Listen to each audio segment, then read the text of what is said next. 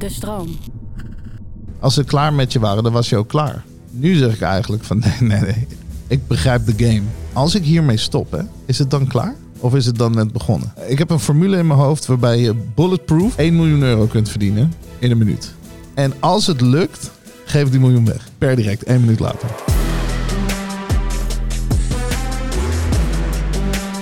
Water voor Ron. Aqua. Water voor Jordi. Mr. Lavaman. Agua. We zijn gewoon begonnen. hè? Oh shit. Dit laten we erin. Mannen, een goede middag. Hallo. Ehm, voordat we beginnen. Ja. Jordi, jij hebt wat voor mij meegenomen. Ik pak het even. Ik ben normaal van de Red Bull. Dat Ja. allemaal. Eh, Ja. Ik heb een paar keer Monster geprobeerd. Ik weet niet waarom ik dit...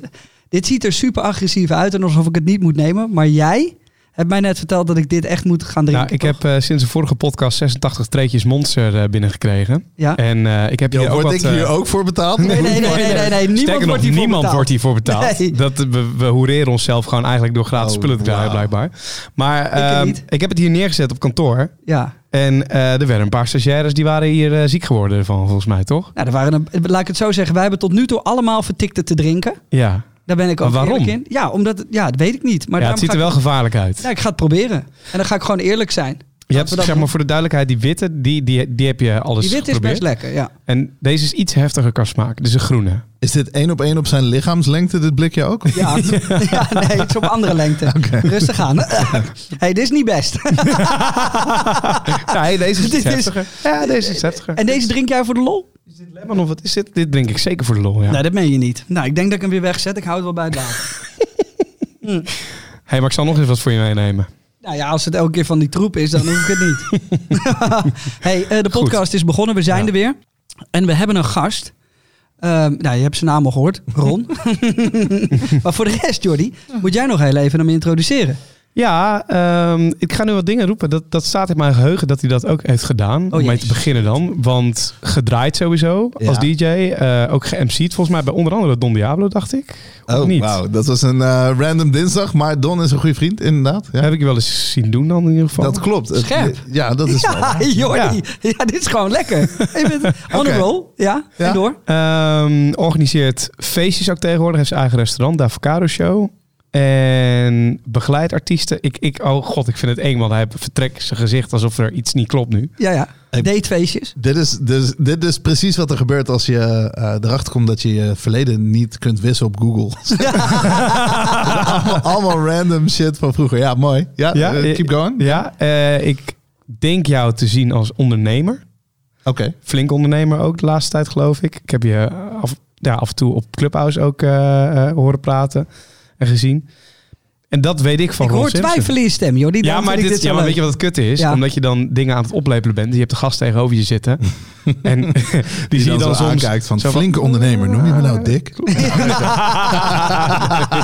ja, je hebt gelijk ook. Ja. Ja. Maar eh, klopt het wat ik tot nu toe zeg? Of vergeet ik iets heel belangrijks? wat Um, jij zelf vooral belangrijk vindt? Nee, ja, kijk, het, het klopt allemaal wat je zegt. Het zijn hele mooie flarde geschiedenis eh, bij elkaar. Maar eigenlijk ben ik gewoon een creatief ondernemer, inderdaad. Die onder andere de Avocado Show heeft met eh Julien Zaal. En eh, allemaal nieuwe andere projecten heel Nou. erg leuk vindt. Marketing guru. Ja, die gooi Ja, ik gewoon in. ja, gooi het. Ik, eh, ik Nee, vind ja, kijk, ik heb de, haatliefde met goeroe, zeg maar. Ik vind Nee, dat ja. altijd een beetje moeilijk, maar ik, ik waardeer het wel. Dankjewel. maar de goeroes die er zijn en die je dan opnoemt, eh, er zit ook een hoop goeie tussen. En die worden soms een beetje besmeurd door de wat slechtere. Want tegenwoordig is iedereen denk ik een goeroe. Eh, maar ik heb jou wel zo leren kennen. En dan is goeroe denk ik niet het goede woord. Maar dat is- heb ik meer voor de mensen die dan... soort van als je in een hokje geplaatst moet worden... Laat ik het zo zeggen. Ik heb de grootste artiesten en een hoop mensen die bedrijven... grote bedrijven runnen, maar ook kleine bedrijven runnen... heb ik jouw kant op zien rennen letterlijk. Omdat ze eh, eh, of advies nodig hadden over hoe ze het het beste konden aanpakken met hun eigen bedrijf. Of een merk nodig hadden wat hun kon supporten. Of zelf als merk groter wou worden. En tactisch en technisch denk ik dat jij... Ik heb nog nooit iemand ontmoet eh, in die tien jaar dat we elkaar denk ik nu kennen... die Mhm. dat zo tactisch en technisch goed kan neerzetten als jij.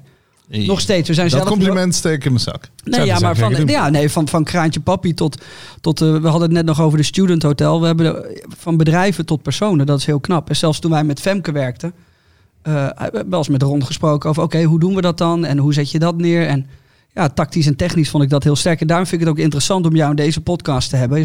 Omdat ik het eh, denk ik heel fijn vind voor mensen om in een korte te- periode te leren hoe ze iets moeten neerzetten. En hoe Mhm. ze, want wij hebben veel vragen in de podcast en, en over de podcast. Van oké, ik ben ik heb een t-shirt merk en ik wil graag wat ervan maken. En dit voorbeeld heb ik vaker genoemd. Dan krijg ik een, eh, een, eh, een, een DM en dan krijg ik een zwarte hoodie met een, een logo erop. En meestal niet echt een logo, maar een paar letters. En dan is dat het merk. Ja, Eh, dat soort dingen. En dan zeggen ze, ja, ik heb nu een eigen merk. Terwijl, en het is duurzaam. en, ja. en dat zijn die dingen. En dan denk ik, ja, maar daar, daar hebben we niks aan. Ik krijg heel vaak vragen van, ja, hoe, hoe zet ik dan iets op? Hoe, hoe word ik succesvol? Ik denk niet dat dat altijd op die manier werkt. Ehm, het, het is heel erg eh, andersom. ja, En ehm, dat, dat merk je in de muziek, maar dat merk je ook op andere manieren en ook in de mode. Is dat ehm, er zijn heel veel mensen zo geobsedeerd door ehm, het resultaat dat je kunt behalen, de droom, zeg maar. Mhm. Dat ze vergeten dat het meeste wordt gebouwd op het idee. Succes is een, een gevolg, zeg maar. Maar Jay, Mhm. wij zijn de vorige week iets vergeten wat ik nu bij Ron eigenlijk het liefst nog weer wel wil, omdat ik dat Ja. de vorige keer zo goed vond. Dat is jouw vragenlijstje ja. met favoriete film, eh, dingen. Je hebt het Ja. zelf, eh, had je het op je telefoon staan destijds. Nou ja, wat ik, eh, wat ik heb bedacht is dat ik het ehm, heel leuk vind om te horen waar jij naar kijkt, wat jou inspireert. Wat Mhm. mensen ook zouden kunnen opzoeken, waardoor ze denken, hé, hey, dit, dit, dit moet ik zien. Oeh. Dus de, de, de- de- noem eens een, een YouTube, eh, iets wat je op YouTube kijkt waarvan jij denkt, of Netflix of whatever, wat jou geïnspireerd heeft, waardoor jij beter bent geworden in jouw vak. Ehm, waardoor ik beter ben geworden in mijn vak. Ik vind sowieso mensen super interessant en hun verhalen. Dus ik vind eh, hele rare dingen zoals Nardwar interviews of zo. Voor degene die niet weet wat het is. Ja. Dat is een hele gekke interview fenomeen. ehm, dat hele grote artiesten ging, ging interviewen. Ja. Ehm, maar hij doet zijn huiswerk zo goed dat je gewoon mensen in totale shock ziet zitten. En met mensen bedoel ik dan Jay-Z, Pharrell, weet je wel, dat, dat soort niveau mensen. Als je die nog kunt verrassen in een interview, dan doe je wel echt iets goeds. Dus dat vond ik altijd heel erg tof. Um, maar ook het gesprek tussen, uh, weet ik veel, Pharrell en Rick Rubin, die dan in hun achtertuin dingen zeggen. Of ik probeer eigenlijk gewoon de normale conversaties over het leven probeer ik te ontdekken. Um, en de verhalen achter dingen. Dat vind ik heel erg tof.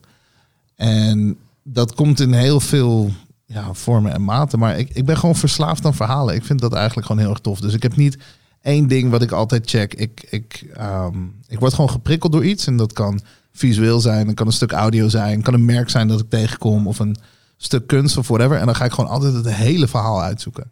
Wie is dit? Waarom? Wanneer? Waar is het begonnen? Wat zijn de mijlpalen geweest? Wanneer is het doorgebroken? Waarom? Weet je, allemaal van Ja. dat soort dingen. En uh, dat is voor mij een beetje de essentie ervan. En soms vind ik het heel lekker om hele domme series op Netflix te kijken. Maar zelfs dan kijk ik naar hoe verpakken ze dit? Hoe proberen ze mij te overtuigen dat ik dit moet zien? Terwijl ik het aan het kijken ben, had dit langer gemoeten of korter? Of is het precies goed zo? Of, Waar komt dat vandaan? Waar komt die interesse voor verhalen vandaan? Um, uit interesse voor mensen, denk ik, of zo. Ik, ik heb altijd wel... Um, ik heb altijd waarde gezien in het verhaal. Dus een, een, product is ook maar een product. Wat maakt, weet je, het ene boek interessanter dan het andere is natuurlijk een stukje verhaal, maar de cover telde ineens ook mee, weet je wel. En wat maakt uh, iets wat veel minder sexy is? Waarom is een, de ene schroef aantrekkelijker dan de ander? Terwijl ik heb helemaal niks met schroeven. Nou, dan, dan ga je ineens naar packaging, ga je naar branding, ga je naar taal kijken, ga je naar, weet je, positie kijken. Ineens werden die dingen van messing, dat lijkt op goud. En dan denk je dat het een hogere kwaliteit heeft of wat dan ook. Dus het, het is eigenlijk allemaal signalen en dat zenden we uit als mens, dat zenden we uit als merk, als product, als dienst, alles wat je doet. Um, dat is het stukje wat we soort van aan elkaar proberen te verkopen. En dat vond ik tof, omdat je daar geen geld voor nodig hebt. Ron, vertel ons iets over jezelf wat niemand anders nog weet. Oeh. Vertel, Geef ons die scoop. Geef jullie een scoop. Iets wat niemand anders nog weet. Um, Jezus, wat een moeilijke vraag. Ik denk dat het antwoord daarop is dat ik uh, net zo makkelijk mezelf had vermaakt in mijn eentje op een onbewoond eiland. Vanaf geboorte.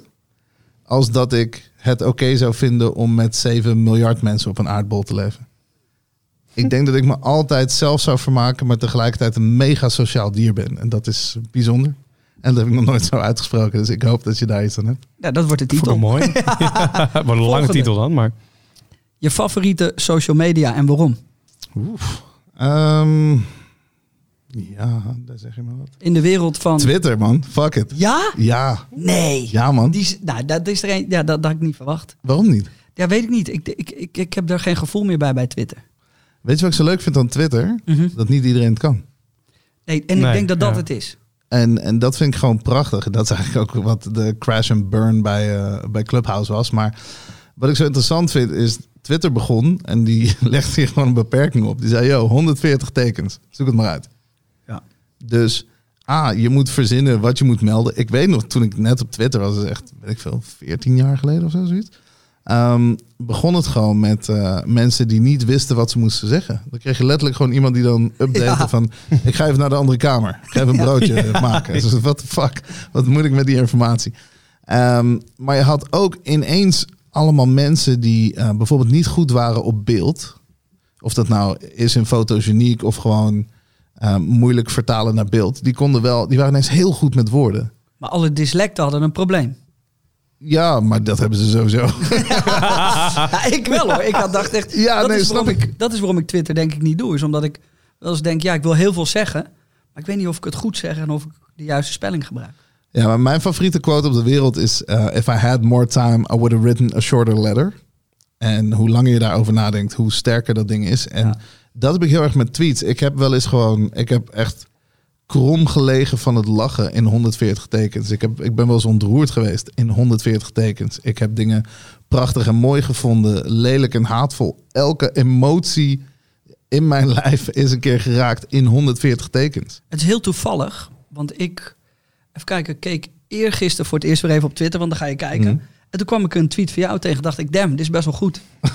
Ja, Dat is eh, een eh, nieuw gerecht of een gerecht dat iedereen kon maken. Oh ja, ja, maar dat bedoel ik zeg maar. Dus het, en het is best wel lastig. Eigenlijk is het short copy. Het is gewoon een, een, eh, een vorm van heel weinig woorden gebruiken om heel veel te zeggen. En dat vond ik een leuk voorbeeld. Want dat ging dan niet om. Terwijl als ik normaal gesproken zou zeggen, nou hier heb je een recept voor eten. Dan denk ik echt, wat de fuck moet ik hiermee? Ja. Maar dat was dit niet. Dit was de simpele insteek dat ik ooit bij een Italiaan was wezen eten in een restaurant. En dat een van de weinige gerechten ehm, Ja. dat ik ooit meteen op geheugen na kon maken thuis. En dat alsnog een tien was, dat was dat. Ik zal hem er eens bijpakken, want die, eh, die verraste mij. Even kijken. Ooit in een waanzinnig Italiaans restaurant een gerecht gegeten dat ik meteen thuis na kon maken. Burrata met rode bieten, aardbeien, frambozen, rucola, pistachenoten en witte truffel balsamico. Het is een 10. Doe het. Punt. Dat is dus... En ik, dat heeft, ik keek naar, toen dacht ik... Nou, ja, dit- Ik zit dit aan te horen. Ik denk, dit is een nieuw concept. JJ Boske die gerechten voorleest.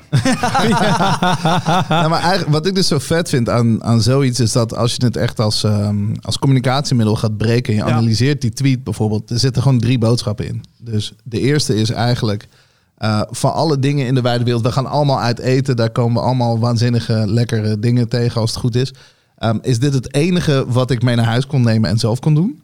Vervolgens een recept, gevolgd door een call to action dat zegt jongens, dit is een 10, hè, doe het gewoon zelf. en in deze tijd En, ja. kan je het maken. En, En- hoef je niet ja. naar het restaurant toe. Ook dat, maar het is zoveel in, in zo weinig. En dat vind ik de kracht van Twitter. Terwijl ik vind beeld natuurlijk super vet. Eh, weet je, dat, dat hele eh, Instagram gebeuren. Dan heb je short video, wa- waarvan ik de kracht begrijp. Maar ik persoonlijk heb minder nodig om een verhaal te vertellen. Ja. Ik kan er heel erg van genieten. Ik vind TikTok tof. Ik vind YouTube tof. Ik vind eh, vooral van die creators vind ik ook heel tof. Maar die, die kan ik ook op Instagram vinden, moet ik zeggen. Ehm, en ik kijk daar met heel veel liefde naar. Maar dat is niet mijn sport. Mijn sport is meer zeggen in minder woorden. En Ja. dat vind ik gewoon heel tof om te spelen. En dan pakken we meteen even door. Want wij waren eh, in het begin best wel fanatiek ook op Clubhouse. Ja. Ik weet niet of jij dat nog steeds bent. Ik kan eh, nu vertellen dat ik het al drie weken niet heb aangeraakt, volgens mij. Ik, maar jij eh, zei, eh, jij ook niet, toch? Nee, een week of twee niet meer. Nee. Nee. Crash and burn, zei je net. Ja. Ja, maar Crash and Burn gaat niet per se over eh, het platform. Het gaat over de mensen. Dus het is precies wat ik eerder zag bij Twitter. Ja. Dus het wordt een hype. Iedereen vindt het tof. Ja. Waardoor iedereen en hun moeder richting het platform gaat, zeg maar. Mhm. En er vervolgens achter komt: hey, ehm, dit is niet voor mij. En dat vind ik zo interessant. Het visuele is het makkelijkste. Dus foto's plaatsen is eigenlijk relatief makkelijk. Ja. Want ze kunnen van jou zijn, ze kunnen door jou zijn. Je kunt ze gewoon jatten. Het maakt eigenlijk allemaal niet uit.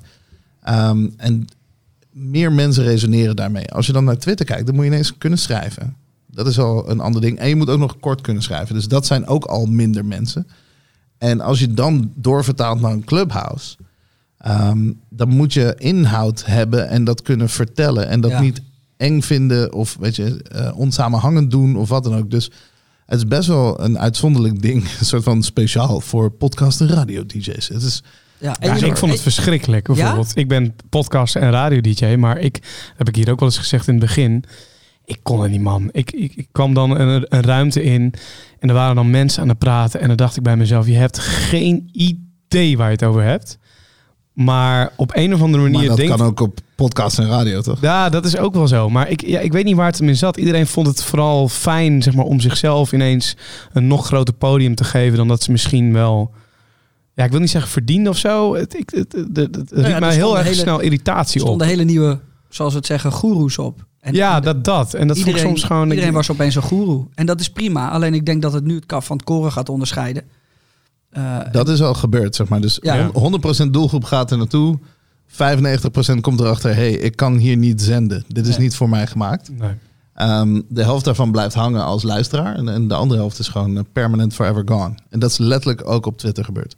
Heel veel mensen gingen daar naartoe, kwamen erachter, Ja. oeh, nee, nee, laat maar. Is het dan, is het dan zoiets dat Twitter en, en ook een clubhouse in mindere mate gewoon niet, nou misschien wel meer, maar gewoon niet voor de dagelijkse, dagelijkse Harry is? Omdat die, die hebben. Ik weet niet wie een dagelijks Harry is, maar Nee, maar ik bedoel gewoon, de, de- voor, voor, voor, dat, dat is ook het moeilijke. Het is eigenlijk voor iedereen, maar niet voor iedereen. Nee, het is niet voor iedereen, man. Nee. Dus ook niet eigenlijk voor iedereen. Maar dat is wel waarvoor, want iedereen ging er wel heen. Dus iedereen Ja, maar het van- feit alleen al dat je daar een uitnodiging voor moest hebben, zegt al dat het niet voor iedereen is, Ja. toch? Het is, het is niet voor iedereen. Het is een niche en dat is leuk en dat is cool. Radio is voor iedereen. Ehm, podcast is alweer voor een iets kleinere groep. En Ja. dan daarna komt Clubhouse wat weer voor een iets Ja. kleinere groep is. Het is gewoon een mooi niche ding. Ik heb ook genoeg gelul daar gehoord. En allemaal goeroe shit, dit en dat. Boeit me allemaal geen zak. Maar ik heb ook echt hele toffe gesprekken gehad daar. En ik heb ook echt mooie programma's gezien daar. En ehm, ik werd, ik ga niet voor je liegen. Ik zag op Twitter notabene, zag ik een tweet van Elon Musk. Die zei, yo, ik ga even met Kanye West volgende week op eh, Clubhouse. En toen werd ik toch wel een klein kindje. Ging toch wel kwispelen of zo. Oké, Ja, dat is vet. En dat, dat is vetter dan, ik weet niet, als zij elkaar zouden tweeten of zo. Of commenten onder elkaars post op Instagram. Dat zou me echt gereed kunnen schelen. Maar ik wil dat gesprek, zou ik wel willen horen. Dus dan is het eigenlijk een soort van voor de niche der niche, is het. Ja, als je het interessant vindt. Ja, ehm, en naar mijn optiek moet niet iedereen met een telefoon een podium pakken. Maar moet je eigenlijk kijken van, hey, hoe krijgen we super interessante, bewezen mensen eh, bij elkaar in gesprek terwijl we mee mogen luisteren. dat. Ja, en, het, en ik denk dat ik dan nu gewoon weer een kijkje moet gaan nemen. Want de mensen met drie keer entrepreneur en vier keer eh, dit en dat in hun bio, die zijn waarschijnlijk nu al weg en afgehaakt. Maar ik miste ook gewoon het gespreksleider. Dus bij een podcast probeerde Jay en ik proberen het gesprek gaande te houden of een soort van overzicht te houden. En dat, dat, dat miste ik gewoon bij heel veel van dat soort gesprekken op dat clubhouse. Je mag ik even inbreken? Mag ik even in? Het, het, ik vind, vond het zo irritant worden op een gegeven moment. Maar misschien moet ik het nu gewoon weer een kans geven. Ja, het is gewoon gedragsregels. Ik denk dat de eerste podcasts ook echt kut waren. 100 procent. Ja, nog steeds. was Adam eh, Curry, hè?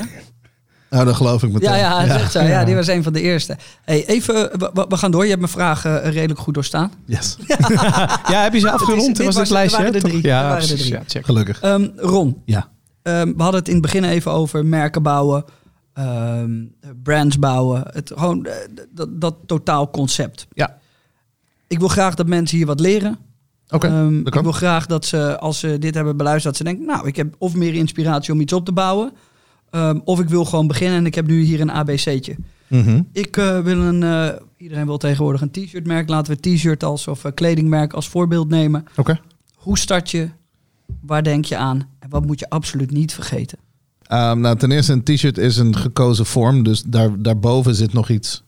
Je hebt eerst een merk en dan Ja. een soort van uitvoering daarvan. Dus voor mij is de eerste vraag zou altijd zijn: wat is voor jou een merk? Wat denk jij dat een merk is? Ehm, er zijn meerdere definities van, maar wat ik heel erg zie als merk is: ehm, je hebt een dienst of een product en je hebt een eh, consument of een gebruiker, zeg maar. En de communicatie tussen die twee dingen, dat is het merk. Ja. wat onthoud je ervan? Weet je hoe het heet? Waar kun je het vinden? Wat kost het? Al die dingen zijn allemaal onderdeel van je merk. Uh, hoe ziet het eruit? Kan ik het herkennen? Herkent iemand anders het? Geeft het mijn status? Weet ik veel wat voor dingen ook allemaal. Dat stukje daartussenin, dat is voor mijn merk. Dus als iemand tegen mij zegt, ik wil een t-shirt lijn beginnen, ben je bijna al af voor Ja. mij.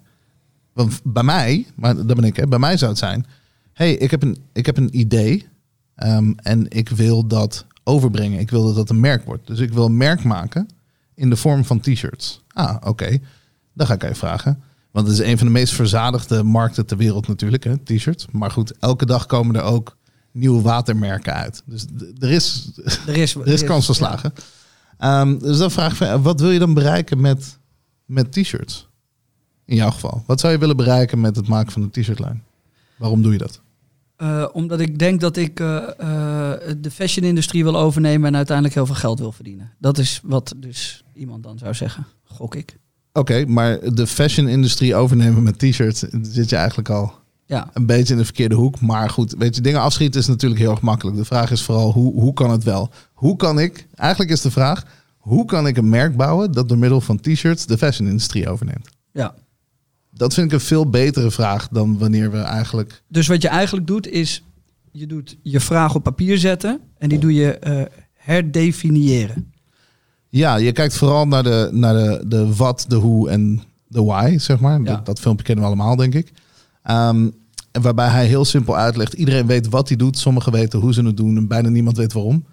Ehm, en welke richting op die communicatie gaat. Dus als je begint bij, bij wat en steeds dieper gaat, dan merkt, werkt dat eigenlijk niet. En andersom werkt dat veel beter. Ja. Dus als je zegt, wat verkoop je? T-shirts. Hoe verkoop je dat? Met het gezicht van JJ Boske erop. Of BB Joske, zoals ik je altijd zo lieftallig noem. Ehm, BB Joske is toch een leukere naam? Dit zijn wij met z'n tweeën gewoon. BB Joske. Jordi, niet lachen, we gaan door. Ja, oké.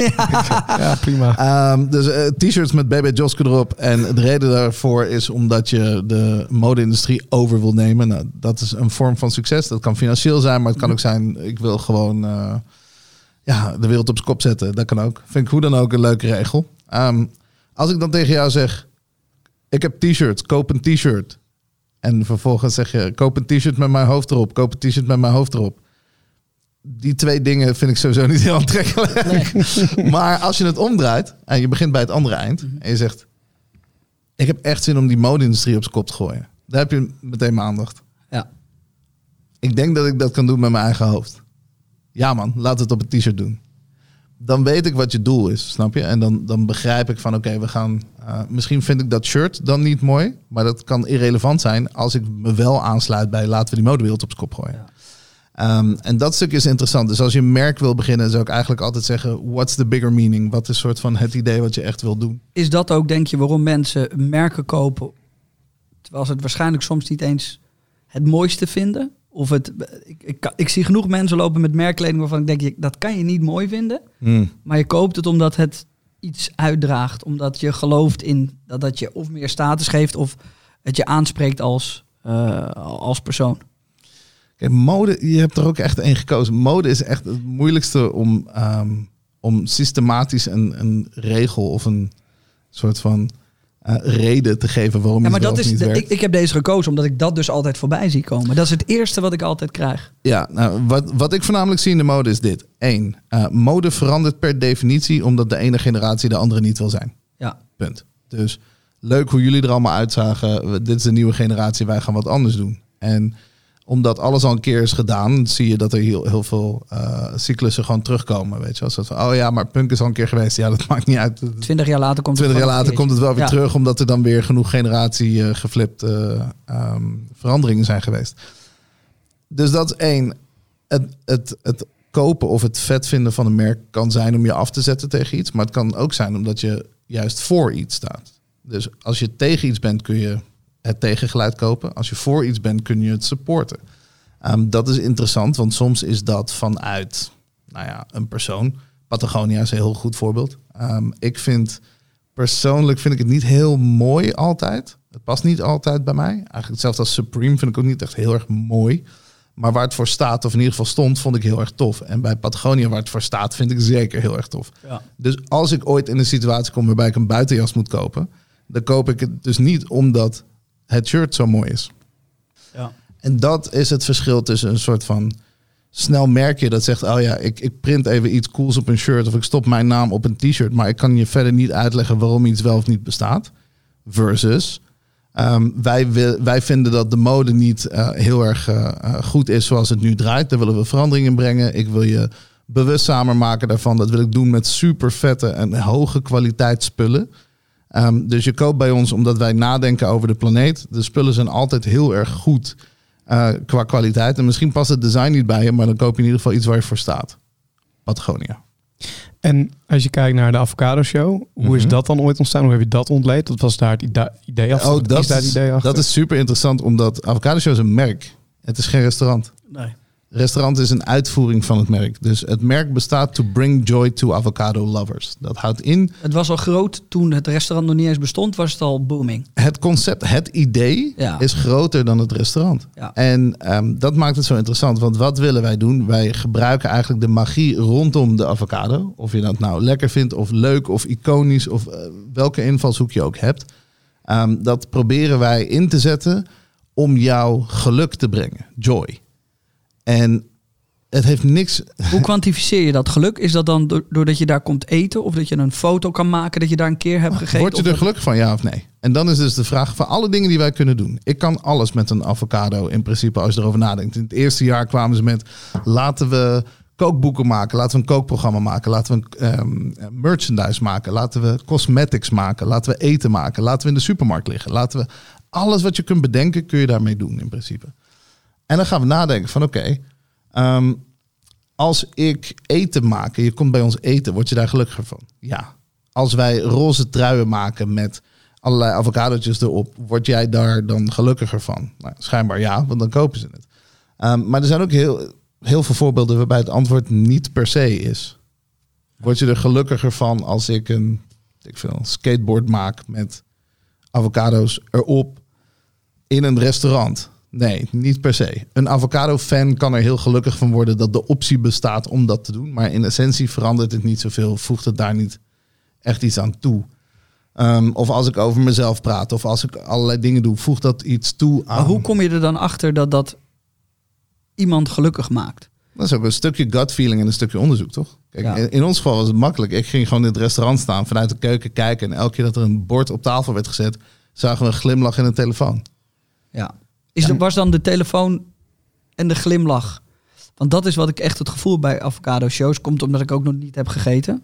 Sorry. Dat is oké. Nee, eh, ehm, Ik heb ook nog nooit gerugbied, dan weet je dat. Nee, ja, ik mijn excuses aanbood. Maar Ehm, kijk, wat dat, dat is een beetje wat ik bij de avocado show voelde. Is dat, dat de, de, eh, het gerecht en de telefoon pakken net zo belangrijk waren. Nee, dat is niet waar. Nee? Nee, absoluut niet. Nee. Het maakt mij eigenlijk helemaal niet uit of je een, een foto ervan maakt of niet. Maar het is Nee, maar ik bedoel niet vanuit jullie, maar vanuit de persoon die komt eten. Ik denk ook niet. Ik Ik vond het soms stoerder om te laten zien dat ze er aten dan dat, er echt, dat ze daar kwamen om echt avocado te eten. Mm, ik denk dat dat gewoon een, eh, een- nogal een aanname is die we snel maken als Ja, we ja. iemand dit zien doen. Ehm, dat is hetzelfde als de aanname dat iemand die weet ik veel, een concert filmt het niet naar zijn zin heeft. Mhm. Ehm, en ik begrijp waar dat soort aannames vandaan komen. Maar je moet ook begrijpen dat het geen concrete waarheid is. Nee, nee, maar daarom, Iemand kan er echt van gooi ik hem ook op. Waar het bij ons om draait is, word je er gelukkig van? Is het lekker eten? Zou je terugkomen? Eh, inspireert het je? Is het de eerste keer dat je zoiets ziet? Ehm, en we proberen gewoon zoveel mogelijk van die boxen te tikken, zeg Ja. maar. En een van de dingen die wij weten is dat als je ergens een foto van maakt, dan is het esthetische stukje gelukt. Dat is een, een onderdeeltje ervan. Als de reviews vervolgens ook goed zijn, en daarin zien we dat de vibes, de muziek, het personeel en de, de smaak goed was, dan is dat. We kunnen moeilijk aan iedereen gaan vragen: is het echt lekker? Is het echt lekker? Weet je, dat gaan ze niet zeggen.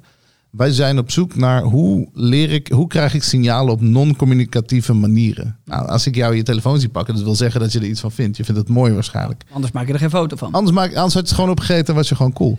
Dus dat is een indicator bij ons van, hé, hey, dat kunnen we meten. Dat is leuk en dat, dat weet je, daar, daar koppelen we conclusies aan. Ja, kijk, dit is. Ik vraag je dit omdat. ehm, om een, een voorbeeld te geven, ik heb dat meegemaakt met Femke Louise bijvoorbeeld. Mhm. Wij zouden met haar, wij gingen met haar muziek maken en daar had iedereen wel wat over te zeggen, vooral toen we begonnen. Mhm. Ehm, en ik denk dat hoe jij het hier uitlegt, dat hadden wij daar precies ook. En daarom ook, ja, ik kan het wel opgooien, maar dat heeft niet heel veel nut als jij je verhaal niet vertelt. Ehm, wij kwamen uit met Op Mijn Money. Mhm. Eh, nou, dan heb je een YouTube filmpje. Je weet dat iedereen, want de hype is zo groot. Je weet dat iedereen eh, naar dat filmpje gaat. Ja. Dus je weet dat iedereen die gaat bekijken. Nou, dat is dan gelukt. Die vonden ze eh, vet. Of ze vonden het in ieder geval de moeite om naar te kijken. Ik denk dat dat belangrijk is. Ja. Maar je weet pas dat het goed is op het moment dat zij naar Spotify gaan. en daar het nummer nog een keer luisteren. Zonder dat ze visueel geprikkeld worden of ergens naartoe moesten gaan. Eh, daarom gingen ze echt alleen naar de muziek toe.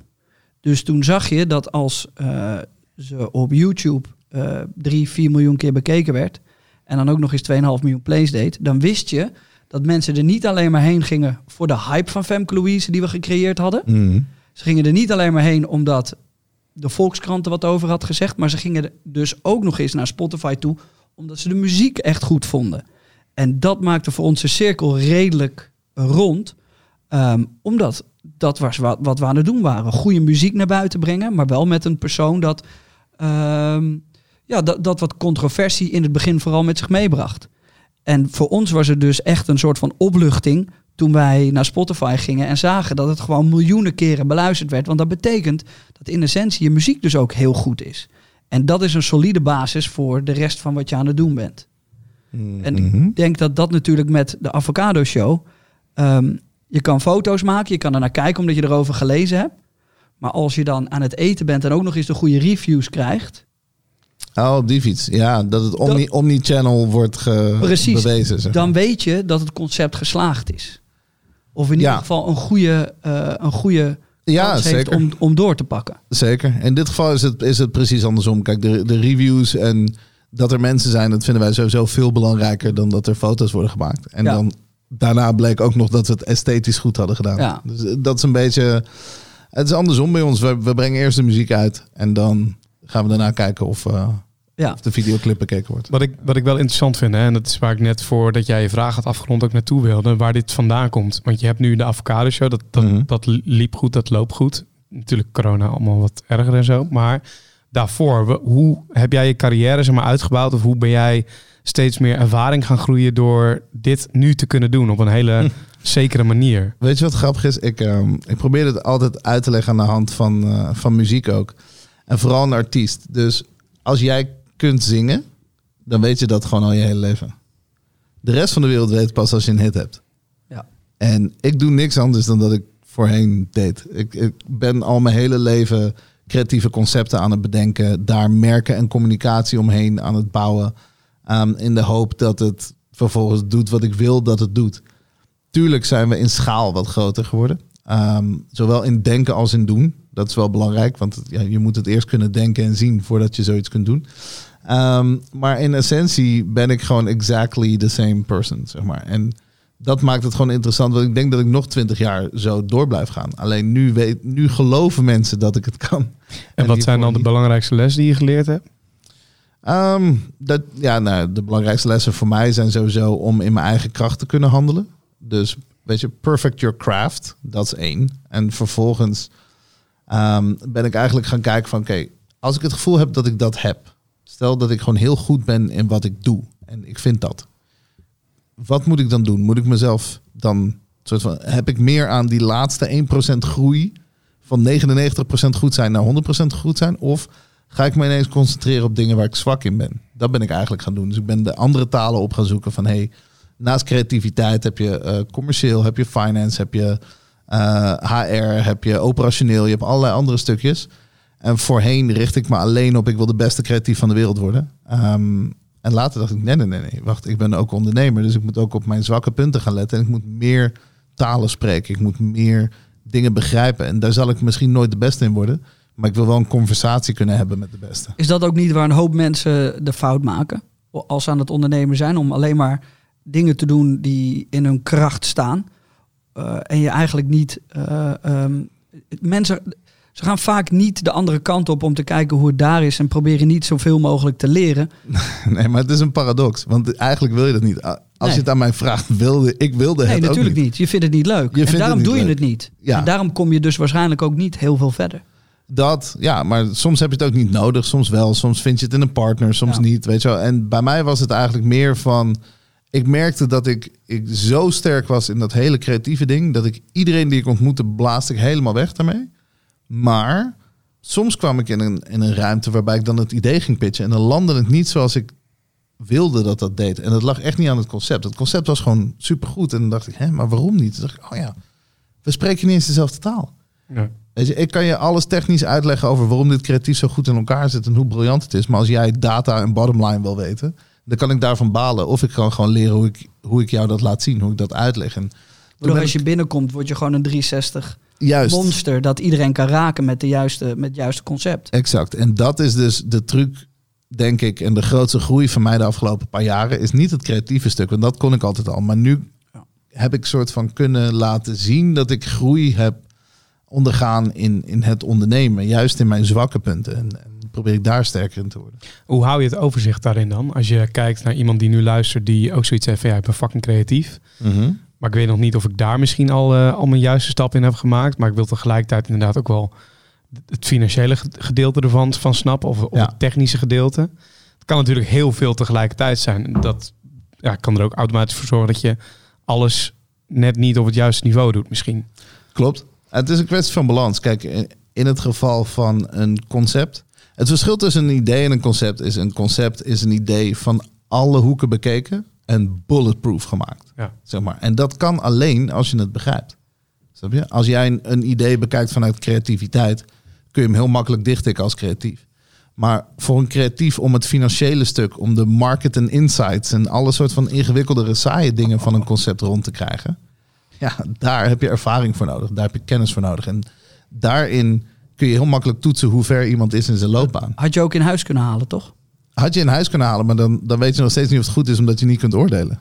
Je moet kunnen oordelen. Ja. Je hoeft het niet altijd zelf te doen. Dat that's the whole point. Dus naar mijn mening, Dus eigenlijk zeg je dat je een soort van de rode lijn moet je wel weten. het is hetzelfde als iedereen zegt altijd: in je bedrijf moet je alles zijn geweest. Je moet Ja. afwassen, je moet schoonmaken, je moet, weet je, alles en nog wat begrijpen. Je Zodat moet je het in ieder geproefd geval- hebben allemaal Juist. in ieder geval. Dat stukje, hoe vervelend het ook is dat clichés waar zijn, is gewoon waar. Hoe, Ja. Het, het kan ook zonder, maar het is gewoon sterker Ja. als je het wel kunt. En de truc is dus om in je kracht te ondernemen. Eigenlijk probeer ik ehm, de dingen in mijn kracht, da- daar haal ik ook geluk uit. Dus ik wil dat zoveel mogelijk doen en ik wil zo min mogelijk van al het andere doen. Maar word je niet gelukkig ook van het feit dat als je wat nieuws hebt geleerd, als je dat toepast, dat kan toch ook heel veel geluk Ja, dus brengen? wat het vooral is, is dat ik, ik, ik heb als streven op altijd zoveel mogelijk te doen wat me echt gelukkig maakt. Ehm, maar ik heb als tool geleerd, leer de rest nou ook. Kijk er nou eens naar, begrijp het gewoon. Voel je meer comfortabel en op je gemak. En dan kun je dat meenemen. En dan, als, je, als mensen van je eh, geloven en op je vertrouwen dat jij dat begrijpt, kun je weer je focus terugstoppen op. En nu laat mij gewoon creatief zijn. En dan haal ik inderdaad Ja. cavalerie erbij. En zeg ik, hey, deze mensen gaan finance doen, deze mensen gaan een operatie doen, deze gaan whatever. Maar ik begrijp het. Dus er gaat geen fout langs mij. En je kan me ook niet ehm, betrappen op een soort van onwetendheid. Dus je bent eigenlijk een soort van, heb ik, laatst heb ik dat ook zo, dat is in ieder geval hoe ik het voel. Je bent over de jaren een harnas aan het bouwen. Mhm. En soms word je nog door het harnas heen geraakt. En dan denk je bij jezelf, shit, oké, dus ik moet dat stukje nog even erbij plakken. En zo wordt over de jaren met alles wat je doet, wordt je harnas zwaarder, beter en ben je meer beschermd en sterker in wat je aan het doen bent. Ook. En je leert gewoon, je leert gewoon beter communiceren. Kijk, als ik met een creatief vast zou komen te zitten in een lift. En dan kunnen we lekker een, een uur lang dwarrelen over de details van een prachtig creatief ding. En waarom deze font en waarom deze kleur en waarom dit beeld en waarom dit woord. En dan staan we allebei in onze kracht en hebben we een topmiddag gehad. Vonden we het waarschijnlijk nog leuk. ook. Supergezellig. Super. Ehm, maar als ik met een financial director vastzit of met een super data gedreven persoon of een wat dan ook. En je komt met een beetje wazige creativiteit voor dan zijn ze heel snel Afgeleid weg. afgeleid. En jij, jij kunt jouw boodschap niet op hun overbrengen en zij ook niet op jou. Dus in plaats van dat je boos wordt en denkt, waarom spreek je mijn taal niet? Wat ik vroeger heel vaak deed. Dat, of je snapt het niet. Niemand ziet het zoals ik. Weet je, gewoon die simpele frustraties. Was het eigenlijk van, hey, hoe kan ik jou wel in laten zien dat dit een goed idee is? Hoe kan ik jouw taal spreken en dan in ieder geval jou overtuigen dat het idee goed is en dat ook over jouw domein is nagedacht. Kijk, het is natuurlijk de ideale wereld dat je als creatieve ook op die manier kan nadenken. Mhm. Maar, advocaat van de duivel, is het ook niet zo dat als jij als creatieve 100% creatief bent en je gaat dat erbij doen, dat dat ook van jouw creativiteit afsnoept. Dus dat je Tuurlijk. juist minder wordt in waar je zo goed in was. Dus dat het misschien ook goed is dat er alleen maar mensen zijn die alleen maar creatief zijn. Maar wat wordt, wat wordt meer beloond? Hard werken of talent? nou, daar durf ik nog wel eens een discussie over aan te Ja, gaan. bring it on. Want op. een, een getalenteerd persoon die niet hard werkt, komt nergens. Maakt niet uit hoe dat, goed is, het nee, dat is 100% waar. Ja, Ja, Dus dat. Dus er zal, er zal altijd iets zijn, ongeacht hoe groot je talent is, waarbij je gewoon hard moet werken. En in ons geval is hard werken, simpele dingen doen waar je geen interesse voor hebt. Hoe, is het, hoe is het om heel goed ergens te zijn? Want je zegt net, je bent op een gegeven moment eh, ben je goed omdat mensen je de erkenning geven omdat je iets hebt gedaan waarvan mensen zeggen, zie je wel. Mhm. Ik heb ook een hele tijd, en ik denk jij ook, een hele tijd heb je met mensen gewerkt en heb je mooie dingen neergezet en kreeg je toch niet altijd de erkenning. Ja. Hoe is dat en hoe was het moment en welk moment was dat dat je echt dacht bij jezelf hier? Dat je bijna met twee middelvingers naar buiten kon lopen en gewoon zeggen van ja, zien jullie wel, dit doe ik al Oh. fucking tien jaar en ik wist het. Jullie wisten het nog niet, maar kijk eens, hier is de wereld, dit heb ik gemaakt. Zien jullie wel. Ik weet niet of ik, of ik zo naar buiten ging, maar het nee, was- maar dat gevoel. Ik, ik snap wat je zegt, Ja. maar het is, eh, het is sowieso de game-changing moment voor ons. En voor mij sowieso was de avocado show. Er is ja. nul twijfel Maar over. dat is het gekke dus, omdat voor mij voelt de avocado show maar zo'n klein dingetje van wat Ja. jij over de jaren hebt gedaan. Want- Is het ook? En dat is het gekke. En daar, mijn vraag is dus, daarvoor Het is je een dus liedje en een hele- oeuvre. Ja, Ja, heel gek. dat is toch gek? Dat je, want ik ken jou echt, ook dat gek. ik denk, daar zou ik hem... De avocado show zou misschien op plek 4 staan als ik het over jou heb. Terwijl Ja. voor mensen is dat nummer 1. Maar dat komt omdat wij in dezelfde arena spelen en we dus elkaar kennen en eh, detailwerk zien. Ja. En jij weet wat voor taken en, en projecten en opdrachten ik allemaal heb gedaan. Maar als, als dat niet jouw wereld is. Kijk, het ding is, een hit scoor je vaak alleen als het doelgroepen en ehm soort van kijkers eh, grenzen overschrijdt. Snap je? Ja. Het, het, moet, het moet niet to unify. En welke manier dan ook. Dus een restaurant waar ineens allerlei mensen komen eten die dat normaal niet zouden doen. Een liedje waar ineens veel meer mensen naar luisteren. Oh ja, ik hou eigenlijk van hip-hop, maar deze ballad is ook mooi. Dat worden monsterhits. Ja. Snap je? Dus je moet cross genres gaan. Het, het moet groter zijn dan, dan de doelgroep die ervoor bestemd was, zeg maar. En dat is een beetje het ding. Ik, ik, daarvoor was ik ook wel echt goed aan het scoren, maar altijd op de doelgroep. Ik deed iets voor de doelgroep en de doelgroep omarmde dat. De Avocado Show was de eerste keer dat we echt ver naar buiten gingen. Niet alleen buiten de doelgroep, maar ook buiten de landen, de steden, eh, de, de, de Buiten de continenten. van gewoon. de doelgroep van de doelgroep. Ja man, Ja. ik denk dat als, er, als we konden communiceren met de maan, dat ze daar ook avocado's willen. ja, ja, ja. dat denk ik echt. En, en dat maakte het grote verschil, omdat je dan een soort van ehm, massale one size fits all home run slaat, in plaats van een niche shot die gewaardeerd wordt door je collega's. Maar weet je dan nu ook waar het hem in zit? Wist je dat van tevoren waar het hem in zat? Dat dit zo op deze manier zou gaan gebeuren? Nee, maar het is gewoon, nogmaals, het is exact hetzelfde spel. Het is exactly the same thing, alleen met een grotere doelgroep. En raak je die bal net iets lekkerder dan normaal. En raak je die bal net iets lekkerder dan normaal. En we waren first on market. Hè. We waren Ja. de eerste. eh, noem het allemaal maar op. De uitvoering was supergoed. Ehm de, het sentiment was heel goed. Dus er waren honderden miljoenen mensen. Dat maakt het zo interessant. Ehm, heel veel mensen vragen me altijd... Ja, kan het ook met een ander product? Ja, ik denk het wel. Maar de insight, de insight waardoor dit heeft gewerkt is... ehm, het was al een miljardenmarkt. Ja. En het was verzadigd zoals koffie dat is. dus koffie eh, drinkt iedereen. Dat kun je thuis drinken, kun je op kantoor drinken, kun je in elk restaurant krijgen. Je kunt het eh, kopen voor eh, weinig geld in de supermarkt. Every, it's everywhere, zeg maar. Honderden, miljoenen, misschien wel miljarden gebruikers. En toch de seconde dat een Starbucks opstaat en zegt... in de meest verzadigde markt ever... wij eh, bouwen gewoon een clubhuis met goede koffie erin... dan willen al die mensen die dus koffie drinken... die willen ineens daar naartoe. Omdat er een belofte is van hetgeen wat ze leuk vinden... is nu beter. Ja. Dat is eigenlijk bij Avocado Show ook gebeurd. Dus honderden miljoenen mensen eten avocado's. Maar die hadden gewoon geen Disneyland. Er was geen eindhalte daarvan. Het is niet...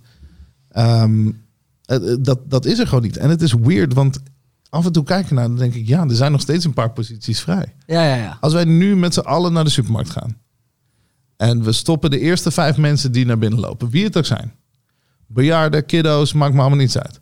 Buitenlanders, eh, reizende mensen uit eh, de andere werelddelen, noem het maar op.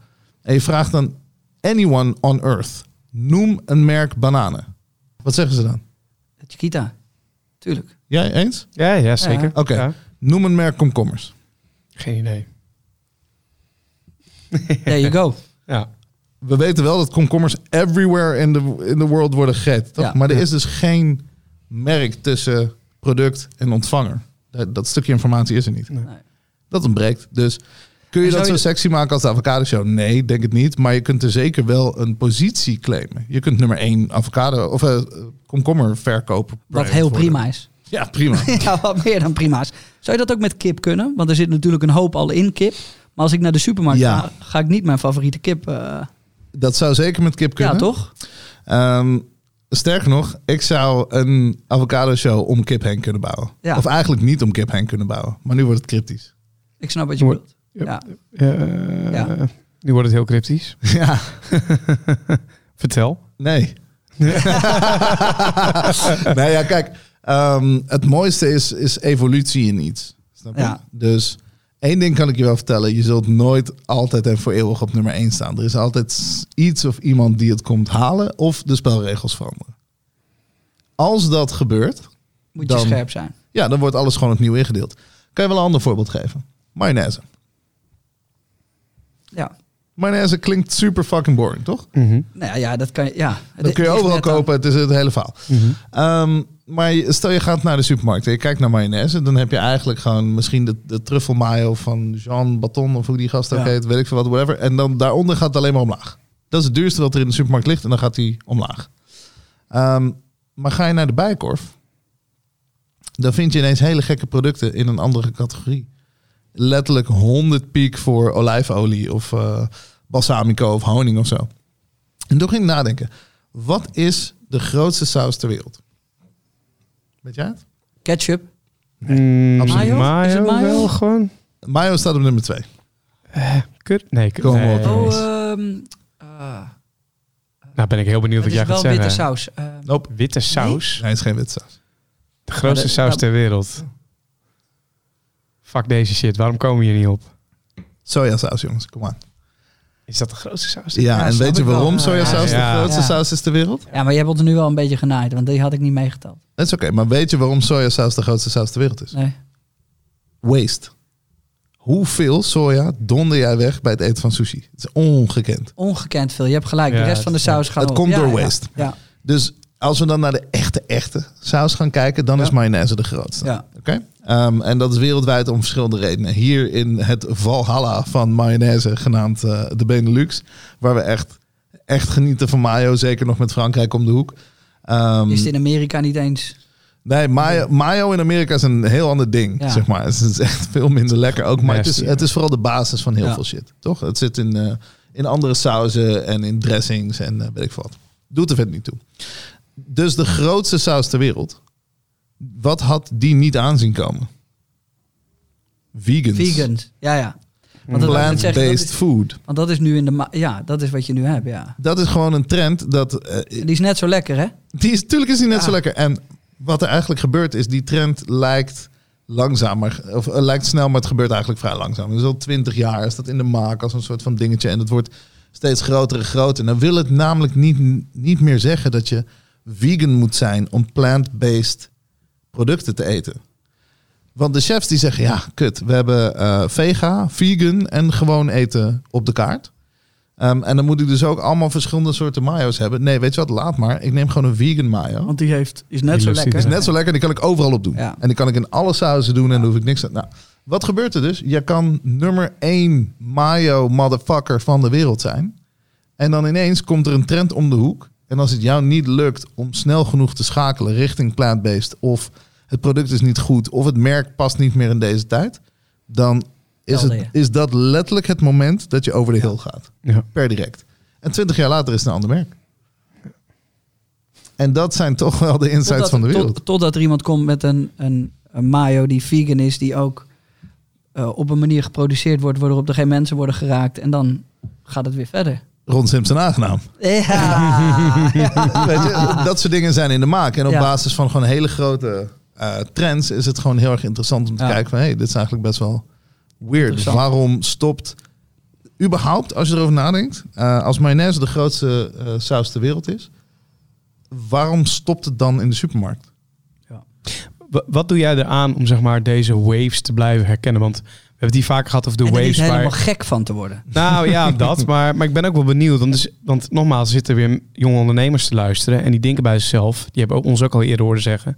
Je moet, de, je moet de wave herkennen om erop mee te kunnen springen. En om daar ook in mee te kunnen groeien. Jij ziet nu, jij loopt bij de bijenkorf, je loopt ergens anders. En je ziet dat met die sojasaus of die mayonaise gebeuren.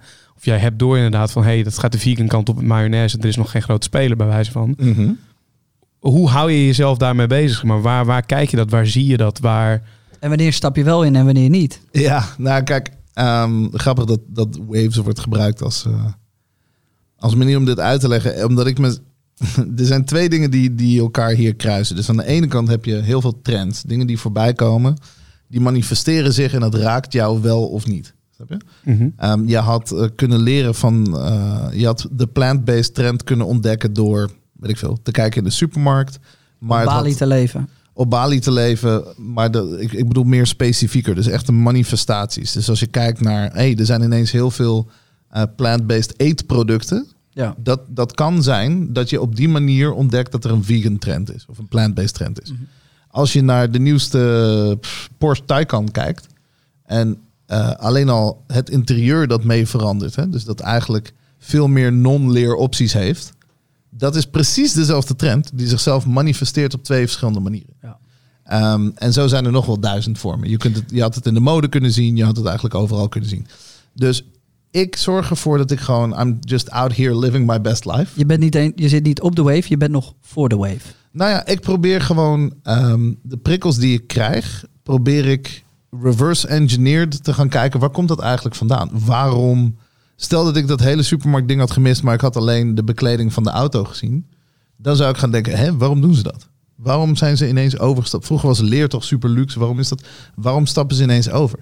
Ehm, en dan kom je tot de conclusie, oh, omdat mensen eh, beter voor de planeet duurzamere oplossingen willen. Oh, oké, cool dat is dezelfde conclusie die je kan trekken uit de helft van de schappen in de supermarkt. Dus hoe het je ook bereikt, als jij open staat om te denken, wacht even, ik voel, ik voel een verandering of ik voel me geïnspireerd of ik voel dat er iets is, something is different. Probeer dan te verklaren waar dat vandaan komt. Lieke Dols heeft mij dit geleerd, dit is master. Zij is eh, trendwatcher en heeft me dus geleerd hoe je van manifestaties, dingen die je gewoon tegenkomt in, in de echte wereld, kunt terugrekenen waar komt dit eigenlijk vandaan? Uit welke behoefte, uit welke verandering, uit welke trend komt dit? En zo ben ik gewoon meer gaan kijken van hey, niet alleen maar dingen die ik tof vind, waarom verandert kunst, waarom veranderen videoclips, waarom veranderen autodesigns, waarom verandert mode, waarom verandert al die shit? Dat, dat heeft een reden. En als het je lukt om die code te kraken, dan zie je ineens grotere waves. Sommige voor jou, andere niet voor jou. Ook oké. Um, en daarom is het zo grappig, omdat ik als metafoor zelf altijd gebruik van, joh, als creatief zie ik mezelf als oceaan. Ik heb waves every day. Elke dag heb ik nieuwe ideeën. Sommige moet ik gewoon niet pakken. En de, daar ben ik oké mee, omdat ik weet dat ik als oceaan altijd de volgende golf ga produceren. Ik zie JJ ook. Nee, dat, geeft, nee, dat geeft mij veel rust Ja. in mijn hoofd. Kijk, ik, ik, eh, ik, we doen dit niet omdat we anderen ook wat willen leren. Het is lekker als je zelf wat leert. En ik vind wat hij nu zegt, ja, ik denk dat ik ook een van die creatieven ben die de hele tijd waves heeft. En alleen ik probeer nog vaak elke wave te pakken. Ja. Terwijl, Maar, maar dan ben je de surfer. precies. En dat ben ik lang geweest. En nu denk ik, oh nee, shit man, Ja, ik ben man. de oceaan. Ja, Oh shit, echt Ja. diep. dat, nee, ja, dat klinkt raar. Maar als je, ik loop elke dag, wij kunnen met z'n tweeën eh, praten, sparren. En ik denk dat Ron daar nog gewoon net iets, iets meer bekwaam in is over de jaren. En wat hij nu zegt, dat klikt voor mij als een soort van puzzel ineens. Boom. Oh ja, fuck. Want het, het is zonde om sommige waves te laten gaan. Dat denk je. Want je denkt, oh. Want in een creatieve mind is elk idee fucking goed. En ja, soms vind ik het zo zonde. Denk ik, oh, dan geef ik hem aan niemand anders dat idee. En dan geef ik hem daar. En dan ben ben ik meer bezig met wel, ja, laat het maar komen. En als ik de oceaan ben, dan kan ik gewoon rustig achterover zitten. Want er komt er nog wel een. En over de jaren heb ik me altijd druk gemaakt of er nog wel eentje kwam. En nog wel eentje en nog wel. Dat is altijd zo gegaan. Ja. En in, in positionering, ehm, op een gegeven moment, kijk, als je een surfer bent, ben je dus aan, ook aan het battlen tegen andere surfers voor de beste wave. Maar als oceaan nodig je de beste surfers om op je wave te springen. Dat is een hele andere positie. snap je? Een hele andere vorm van inspiratie. Je trekt andere creatieve, andere ondernemers aan. Je gaat ineens, word je gewoon een soort van, er is maar één oceaan. Snap je? In jouw wereld. Ja, maar zo is het wel. Ja, joh, die, Ja. we gaan diep voor degene die het luistert. Ja, Ja, ik ik- vind het fucking mooi. bij mij klikt het. En dat, dat is het mooie. En dat, dat voelt ook als een soort van... Laat me dat trouwens verbeteren. Er is maar één oceaan waar je tegelijk in kunt surfen, zeg maar. Ja, ja, ja. Ja, dat is het. Zijn er ook ehm, fouten? Want we hebben het ook vaak over fouten in deze podcast. Dat je daar ook van fouten leer je.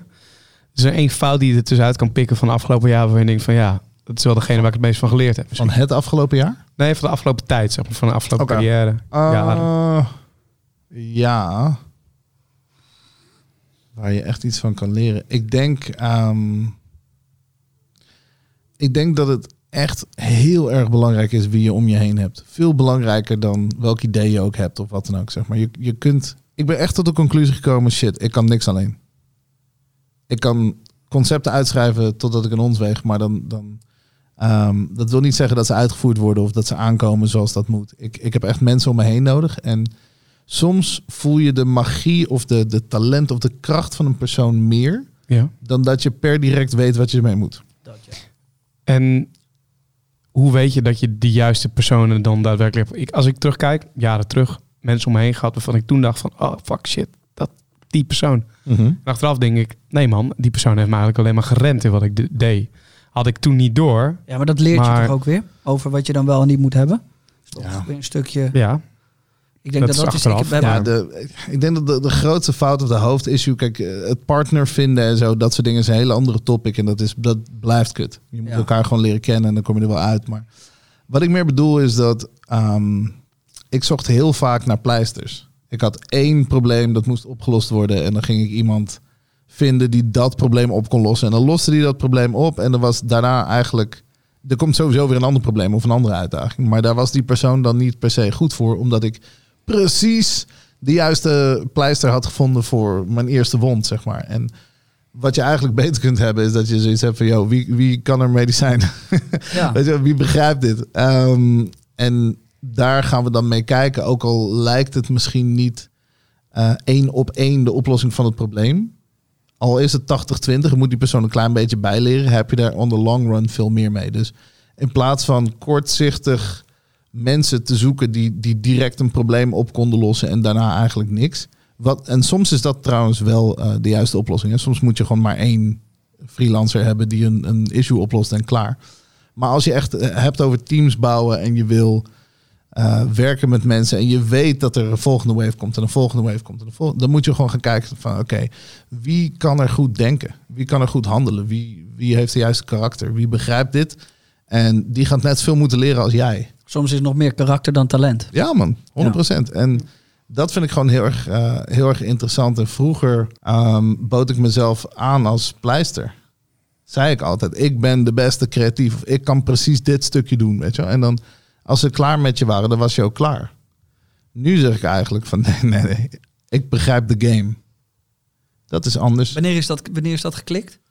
Eh, ik denk eh, misschien rond mijn dertigste of zo. Dat is echt negen jaar geleden. Ja, zoiets. Nee, geen negen jaar geleden. Maar ja, rond mijn dertigste of zo is dat wel echt veranderd. Van, ehm, ik ontdekte dat, dat ik in die eeuwige strijd zat tussen speler of coach. En eh, dat ik dat lastig vond. En, en vervelend. Ik had dat eigenlijk ook altijd met al die artiesten en shit. Dat aan de ene kant was ik heel goed in het managen en uitbedenken van wat zij moesten doen. En aan de andere kant had ik een soort van eigen drang dat ik zelf ook een speler was, een talent was, zeg maar. En dat kon ik nooit helemaal loslaten of zo. Dus ik, ik wilde eigenlijk een carrière, maar ik wilde ook heel graag andere mensen helpen met hun carrière. En at the end of the day, er zijn zo weinig echt goede spelercoaches, dat je gewoon eh, besef moet hebben van tijd. Dat heeft voor mij alles veranderd. Dus in plaats van dat ik alles tegelijkertijd wilde doen, dacht ik, hé, hey, misschien moet ik genieten van mijn tijd als speler. En uitkijken naar mijn tijd als coach. En dan als die dag daar is, dan stap ik met alle liefde naar de overkant. Toen ben je gestopt met Girls Love DJ's. Onder andere. Ja. Ja. ja. onder andere Girls of DJ's was heel erg tof. Maar ik zat eigenlijk veel hoger in de boom na te denken over grote evenementen. En hoe je mensen kunt bereiken. En welke tactieken je op muziek los kunt laten. En dan in het weekend stond ik op een podium de tijd van mijn leven te hebben. Maar dat, dat, dat voegde niet meer toe aan Maar dan talent. moet je wel je ego voor een groot gedeelte aan de kant kunnen zetten. Want ik bedoel dat podium en, en, en eh, eh, die endorfine shots die je krijgt en die motivatie van op dat podium staan is uniek. Ja. Dus de, dat je daar afscheid van moet nemen, dat voel je waarschijnlijk nog elke dag een beetje. Maar de- was, Ja. Dat, ja, was, was dat, eh, waar kwam dat vandaan? Want dat is echt, dan moet, moet je diep, diep graven. Voor mij was het. ehm, ik kon het gewoon niet meer allebei doen. En ik haalde meer, meer voldoening uit het tweede stuk. Dus ik dacht, oké, als ik groter wil, moet ik stoppen met het kleine. Ehm, en voor mij was dat het kleine. Ik kon geen strategische dingen doen op die manier. Het was gewoon show naar show. Weet je wel, ik was uitvoerend Ja. daar. En ja, dat heb ik tien jaar gedaan. Ik heb al die eh, adrenaline eh, shots gepakt. En het was allemaal te gek en tof. En toen dacht ik, oké, als ik hiermee stop, hè, is het dan klaar? Of is het dan net begonnen? Want als ik me dan bezig ga houden met veel grotere evenementen en artiesten en waanzinnige dingen. En eh, talent verleer je niet. Dus ik kan nog steeds hosten. Ik vind het nog steeds superleuk.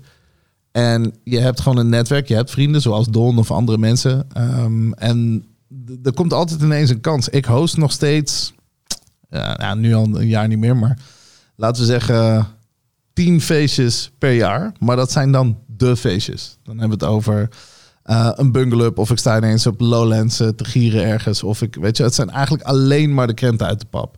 Eh, een open air of een Chin Chin Festival. Gewoon overal waar mijn mensen zijn, waar mijn vrienden zijn, waar ik het super leuk zou vinden om te doen. Dat kon nog steeds, zonder dat het mijn werk was. Dan werd het weer mijn hobby. En dat was het cool. Mijn werk was veel grotere dingen doen. En mijn hobby was dan weer een MC kunnen spelen ergens. En dat vond ik gewoon tof. Hoe lang heeft het geduurd om dat om te draaien? Voordat je dat echt te pakken had. Dat je dacht, oké, ik ben hier oké mee. Het ging overnight. Er Ja? gebeurde iets. Ja, er was een incident. En, eh, en toen dacht ik, nee man, dit, dit, moet ik niet meer, dit moet ik niet meer willen. Nee. Dit moet ik gewoon niet meer doen. Ik stond op een podium ergens, eh, echt letterlijk in een schuur. Ehm, en die jonge Rob, die, die bij mij zat bij Girls of DJ's als, als DJ, die was eh, acht jaar jonger dan ik of zo, geloof ik. En dat was dus allemaal nog oké, maar ik was rond de 30, eh, de- volgens mij zelfs de 30 al voorbij. En ik dacht bij mezelf, oké, ik sta hier in een schuur te dansen op soort van pitbull IDM, omdat mensen dat willen horen, terwijl Rob duizend keer beter kan draaien dan sommige plaatkeuzes die we deden. Dat merkte hij op het einde ook, dus hij ging steeds meer zijn eigen ding draaien. Ehm, en wij hadden een soort van routine en dat werkte gewoon heel erg goed. En toen stond ik daar en kreeg ik voor de 300ste keer eh, of een fles bier naar mijn hoofd of een 17-jarige die naar me greep of zo. En toen dacht ik, nee man, Nee, Nu- dit was het. dit was het. Ik moet hier uit. Ik moet plaatsmaken voor iemand van 20 die dit gewoon weer helemaal mee moet gaan maken. En eh, heel veel plezier. En dan ga ik wel focussen op ervoor zorgen dat hij dit mee kan maken. Ja. Snap je? Hey, we vinden het in deze podcast ook leuk om eh, af en toe wat nieuwe hype's mee te nemen. Eh, Mhm. Nu je net ook weer over Don had. Die, eh, die, ja, Ja. fucking vet. Ik weet niet of je heb je dat meegekregen, Jay? Ja, ja. Eh, voor de luisteraar, dit is voor ons het afgelopen weekend eigenlijk in het nieuws gekomen. Maar Don die heeft volgens mij meer dan een jaar gewerkt aan een concert full length. eh, voor een soort van greenscreen omgeving. In een soort van, nou technisch gedeelte, dat kan ik niet uitleggen. Maar het ziet er fucking vet uit. Er zijn iets van zes mensen of zo in totaal mee bezig geweest, een jaar lang. Super tof. En op een gegeven moment, maand geleden, anderhalve maand geleden, begon dat NFT gebeurde. En toen zijn ze dat eigenlijk Dat was wel langer geleden hoor.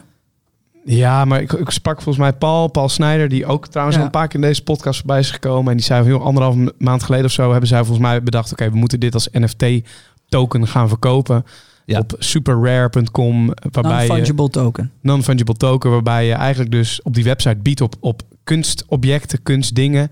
En die, die bedragen gaan, die schieten de lucht in. Maar als jij dan uiteindelijk dat kunstobject scoort, dan ben jij als enige eigen, eigenaar van dat kunstobject. En het gaat om met de blockchain en dergelijke. Fucking vet, maar fucking bizar. Want er is uiteindelijk meer dan 1,2 miljoen dollar, geloof ik, opgehaald. 600 e- Ethereum. Nee, Ethereum, ja. Ja. ja. 600 Ethereum, maar Zoveel miljoen euro. Ja. ja. 1,2 miljoen eh, dollar. waar gaat dit moment. naartoe? Ehm, Nou ja, kijk, het is natuurlijk logisch dat, dat alles verdigitaliseert. Het, het is verdomme tijd voor een heleboel Het is een hele dingen. logische stap, toch? De meest logische stap. En Ja. kunst is altijd geweest wat er gekken voor geeft. Dus dat moet, je, dat moet je nooit vergeten. Weet je? Het is de kracht van verhalen. Kunst is niks anders dan een verhaal. Ik kreeg shout-out naar, naar Farid, man, trouwens. Uh, Farizi van, eh van Top Notch. Top Notch. Die, eh, die vertelde me een mooi verhaal van, van de Mona Lisa. En die zei, Mona Lisa, vind je dat nou echt het beste werk van eh, Da Vinci? Ik zeg, nee. Hij zegt, vind je dat nou echt het mooiste schilderij dat je ooit hebt gezien? Ik zeg, nee. Zou je hem kopen? Nee. Waarom weet je dan hoe het heet? Ja. En zei ik, ik heb eigenlijk geen idee waarom ik de Mona Lisa ken. En toen zei hij, de Mona Lisa ooit is gejat uit het Louvre. ehm, door de schoonmaker of zo. Een of ander bizar verhaal in Frankrijk. Heb je het jaren, jaren geleden. En dat kwam natuurlijk in het nieuws. Dat ding was verdwenen. Heel, eh, heel eh, Frankrijk ernaar op zoek. Whatever. Een soort van klopjachtachtig verhaal. Waardoor in één klap heel Frankrijk erover wist. En uiteindelijk werd het steeds groter en groter Ja. en groter. Ze hebben het teruggevonden, opgerold in een hotel ergens of zo. Whatever. En vanaf dat moment was de Mona Lisa wereldberoemd. Want het was het schilderij waar iedereen naar op zoek was. Wil niet zeggen dat het mooi is. Het is gewoon het verhaal. En dat is een beetje wat kunst doet. Dus of de kunstenaar heeft een verhaal, of het kunstobject heeft een verhaal, of whatever. En Don Diablo heeft one hell of a fucking story. Deze gozer heeft meer verhalen dan Ja. haren op zijn hoofd. Het is echt ongekend. Hij, hij is al zo lang bezig. Hij doet zulke toffe shit. Hij is, naar mijn optiek, nogal onbegrepen in Nederland. Heel erg onbegrepen. Ehm, maar dat Ja. komt omdat hij hier gewoon two decades ago al een carrière heeft gehad. En wij vinden het lastig om mensen zo lang een podium te gunnen. ja, en hij is natuurlijk qua Nederlands, als je gaat kijken naar Doe maar normaal, dan doe je al gek genoeg. Dan Ja. is Don niet... eh, Dan is hij, nee. dat- Terwijl nee, dat alles wat hij doet is next level. Alles wat hij doet. Ik, ik dacht ook bij mezelf, ik heb niet vaak dat ik denk, oké, dit past zo fucking goed bij elkaar als een artiest als Don en die hele NFT-business zoals die Ja. op het moment is. Die klopt gewoon perfect. Hij pakt zijn timing perfect, heeft met de juiste mensen gewerkt. Het, alles aan wat hij daar heeft gedaan klopt. En dat is zo verschrikkelijk knap. Ja, maar het lijpe is dat... ehm, ik denk dat heel veel mensen kijken naar Don Diablo... en die zien een, een talent in digitale dingen of zo. In vorm of in, eh, in geluid of whatever. Als ik naar Don kijk, dan denk ik altijd... deze gozer heeft een soort van ongekend talent... om mensen te raken. Hij begrijpt eh, cultuur en hij begrijpt groepen mensen. Ehm, niet alle groepen mensen ter wereld, maar wel zijn, zijn groep mensen. En vooral muziek en art en een soort van emotionele dingen. En een beetje, ook wel de misfits, en, eh, maar alles een beetje bij elkaar. En ik denk dat hij misschien wel als enige die NFT-cultuur heel goed begrijpt. Hij heeft echt zijn huiswerk gedaan. Hij weet wie de spelers zijn. Hij weet waarom het gebeurt. Hij weet dat er van je verwacht wordt dat je niet die miljoenen in je zak steekt, maar dat je er een soort van dingen mee teruggeeft en, en probeert te bouwen dat dat NFT groter wordt. Hij begrijpt dit voordat ik het begreep. Ruim voor. Hij, legt het aan mij uit, zeg maar. En dat vind ik zo interessant aan hem. Hij, hij ziet niet alleen een trend, maar hij begrijpt hoe die wereld werkt voordat iemand anders het Ik snapt. denk ook omdat die hele NFT-business zijn een soort van ehm, carrière complementeert. Het zo van, dit was een deur die open ging waarvan we allemaal misschien dachten, oeh, wat moeten we ermee? Maar hij dacht meteen, ja, maar dit maakt mijn carrière misschien Ja, nog maar wel... hij is nooit een DJ geweest. Nee, ja, hij is een kunstenaar. Ja, eens. Dus daarom is het, Ja, hij hoort in het museum. soort- Dit makes sense. ja, dus het klopt gewoon. Maar dan is het knap dat je wel nog de timing pakt. Dat je precies weet wat je aan het doen bent. Dat je de juiste mensen om je heen verzamelt. En dat is, eh, zeg maar, wat we net bespraken. Hè, van je kunt talent hebben en niet hard werken of heel hard werken en eh, met minder talent. Deze gozer heeft allebei. Hij heeft alle talent Ja. van de wereld en het slaapt niet. Is En, ik, maar en ik denk dat het in Nederland niet aanslaat, omdat hij is heel erg goed in het bewaken van dat merk. En doet dan ook juist heel veel dingen niet, omdat hem, dat niet bij hem past. Tenminste, als ik dat vanaf buiten zie. En ik denk dat dat in Nederland niet altijd goed begrepen wordt door Ik- de media, door... Als iets niet aanslaat, wil zeggen dat je het hebt geprobeerd. Ik, ik denk niet dat hij het probeert. In Nederland. Hij kijkt gewoon naar de wereld als, een, als één markt. Ja, En, eh ja oké. Ja. And that's that. en even over die, die hele NFT-business. Het is natuurlijk wel wat hij nu heeft ook is uniek neergezet. Het is wel... Kijk, als je straks die Mona Lisa waar we het net over hebben... Normaal kan je die... eh, en dit is ook weer een heel logisch gevolg in de wereld. Die, die Mona Lisa kunnen we ophangen. En daar kan dan iemand in zijn huis of wherever het hangt... eh, of opgehangen wil worden... ehm, daar kan je dan naar kijken. Maar de hele wereld is zo digitaal aan het gaan... dat juist nu wil iedereen eigenlijk alles bij zich hebben. Dus nu kan je eigenlijk eigenaar zijn van iets digitaals wat jij het mooiste vindt, wat je mee kan nemen op je telefoon, op je laptop, eh, wat je overal kan laten zien, wat in een wallet staat, wat je altijd bij je hebt. Dat is een heel logisch gevolg van wat er nu allemaal aan het gebeuren is. Kunst gaat niet alleen maar meer gewoon zijn om op te hangen. Het is om mee te nemen, het is om te laten zien, het is om, om, om het allemaal digitaal bij elkaar te hebben. Maar ik gok ook, en ik weet niet of je het daarmee eens bent, is dat straks in die hele NFT-business, we gaan straks voetballers kunnen kopen die van de wereld worden. Ik denk dat alles straks te verkopen is in de blockchain en dat je eigenlijk met z'n allen soort van overal of eigenaar van kan zijn of alleen eigenaar van kan zijn. Ja, ik, ik zie nog wel één belangrijk verschil, zeg maar. Als je kijkt naar de gemiddelde NFT's en het, het onbegrip bij heel veel mensen is Mhm. natuurlijk... waarom zou ik een miljoen euro betalen voor een soort van plaatje dat ik kan googlen? Ja, maar ja, dat kan je ook met de Mona Lisa. Ja, maar de Mona Lisa is ook fysiek. Ja, ja dit, ik, ik snap wel wat je net zegt. Ik ben daar nog niet. Nog, ik weet ook niet of ik daar the ooit point, ga komen. the point maar- I'm trying to make, Ja, ja. ja, is dat... De Mona Lisa kun je inderdaad googlen, maar als je de Mona Lisa hebt hangen, dan eh, het verschil daarin is nogal groot. Ja, ja. Dus dat weet je. Maar als iets alleen digitaal bestaat, je kunt het googlen en er is geen fysieke vorm ervan, dan dat is het moment waarop heel veel mensen zeggen: ik snap dit niet.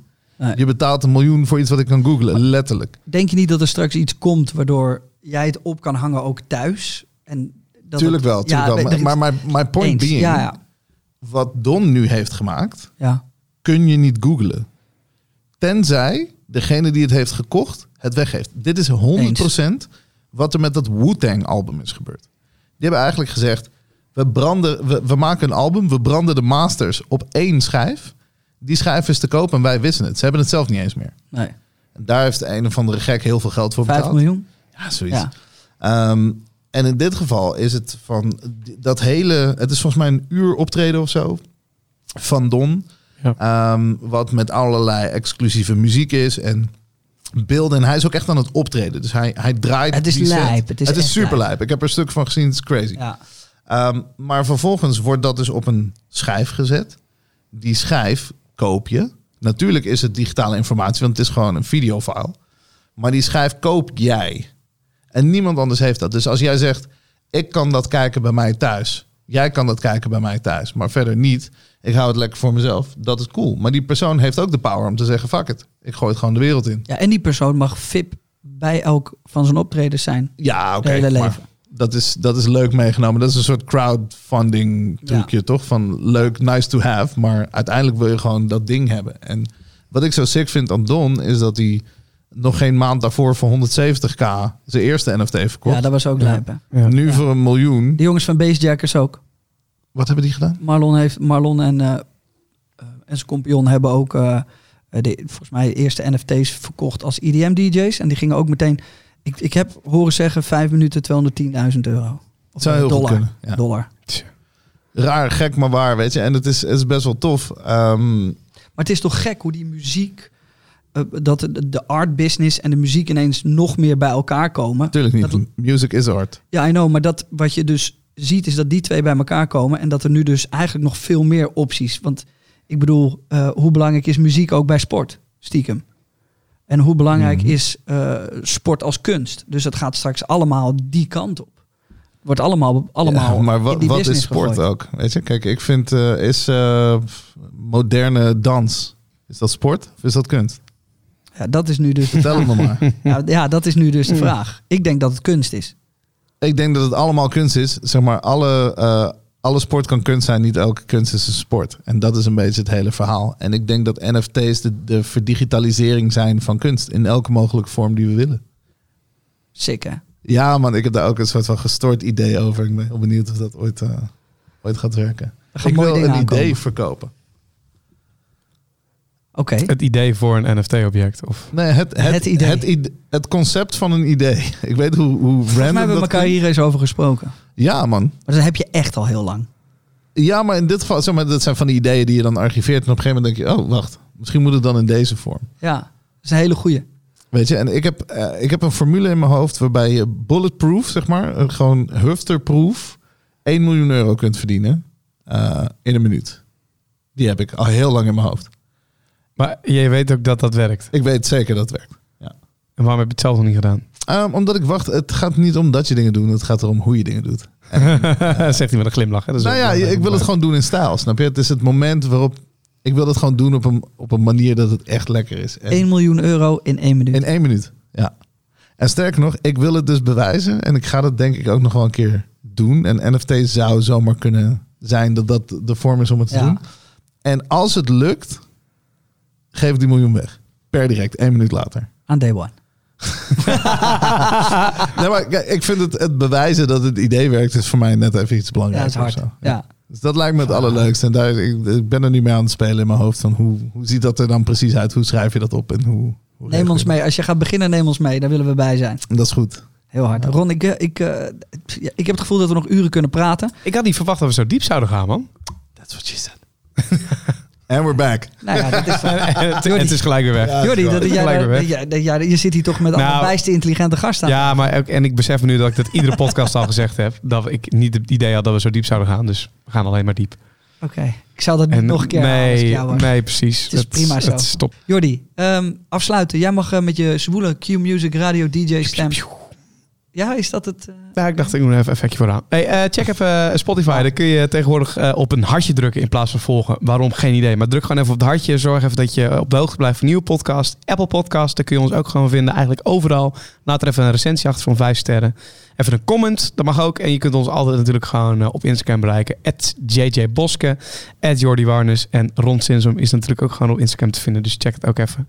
Moeten we nog wel even een codewoord? Dat is zeg maar het woord dat mensen... Dan weten we dat ze tot aan het eind geluisterd hebben. Als ons dat bericht, dat woord sturen via een DM. Mazel tov. Mazzeltof. Oké, Mazzeltof. Ja, Oké, Eh, dat is dan het codewoord. Dus als je dat in onze DM's gooit, dan weten wij dat jij tot het eind hebt geluisterd naar de Day One podcast.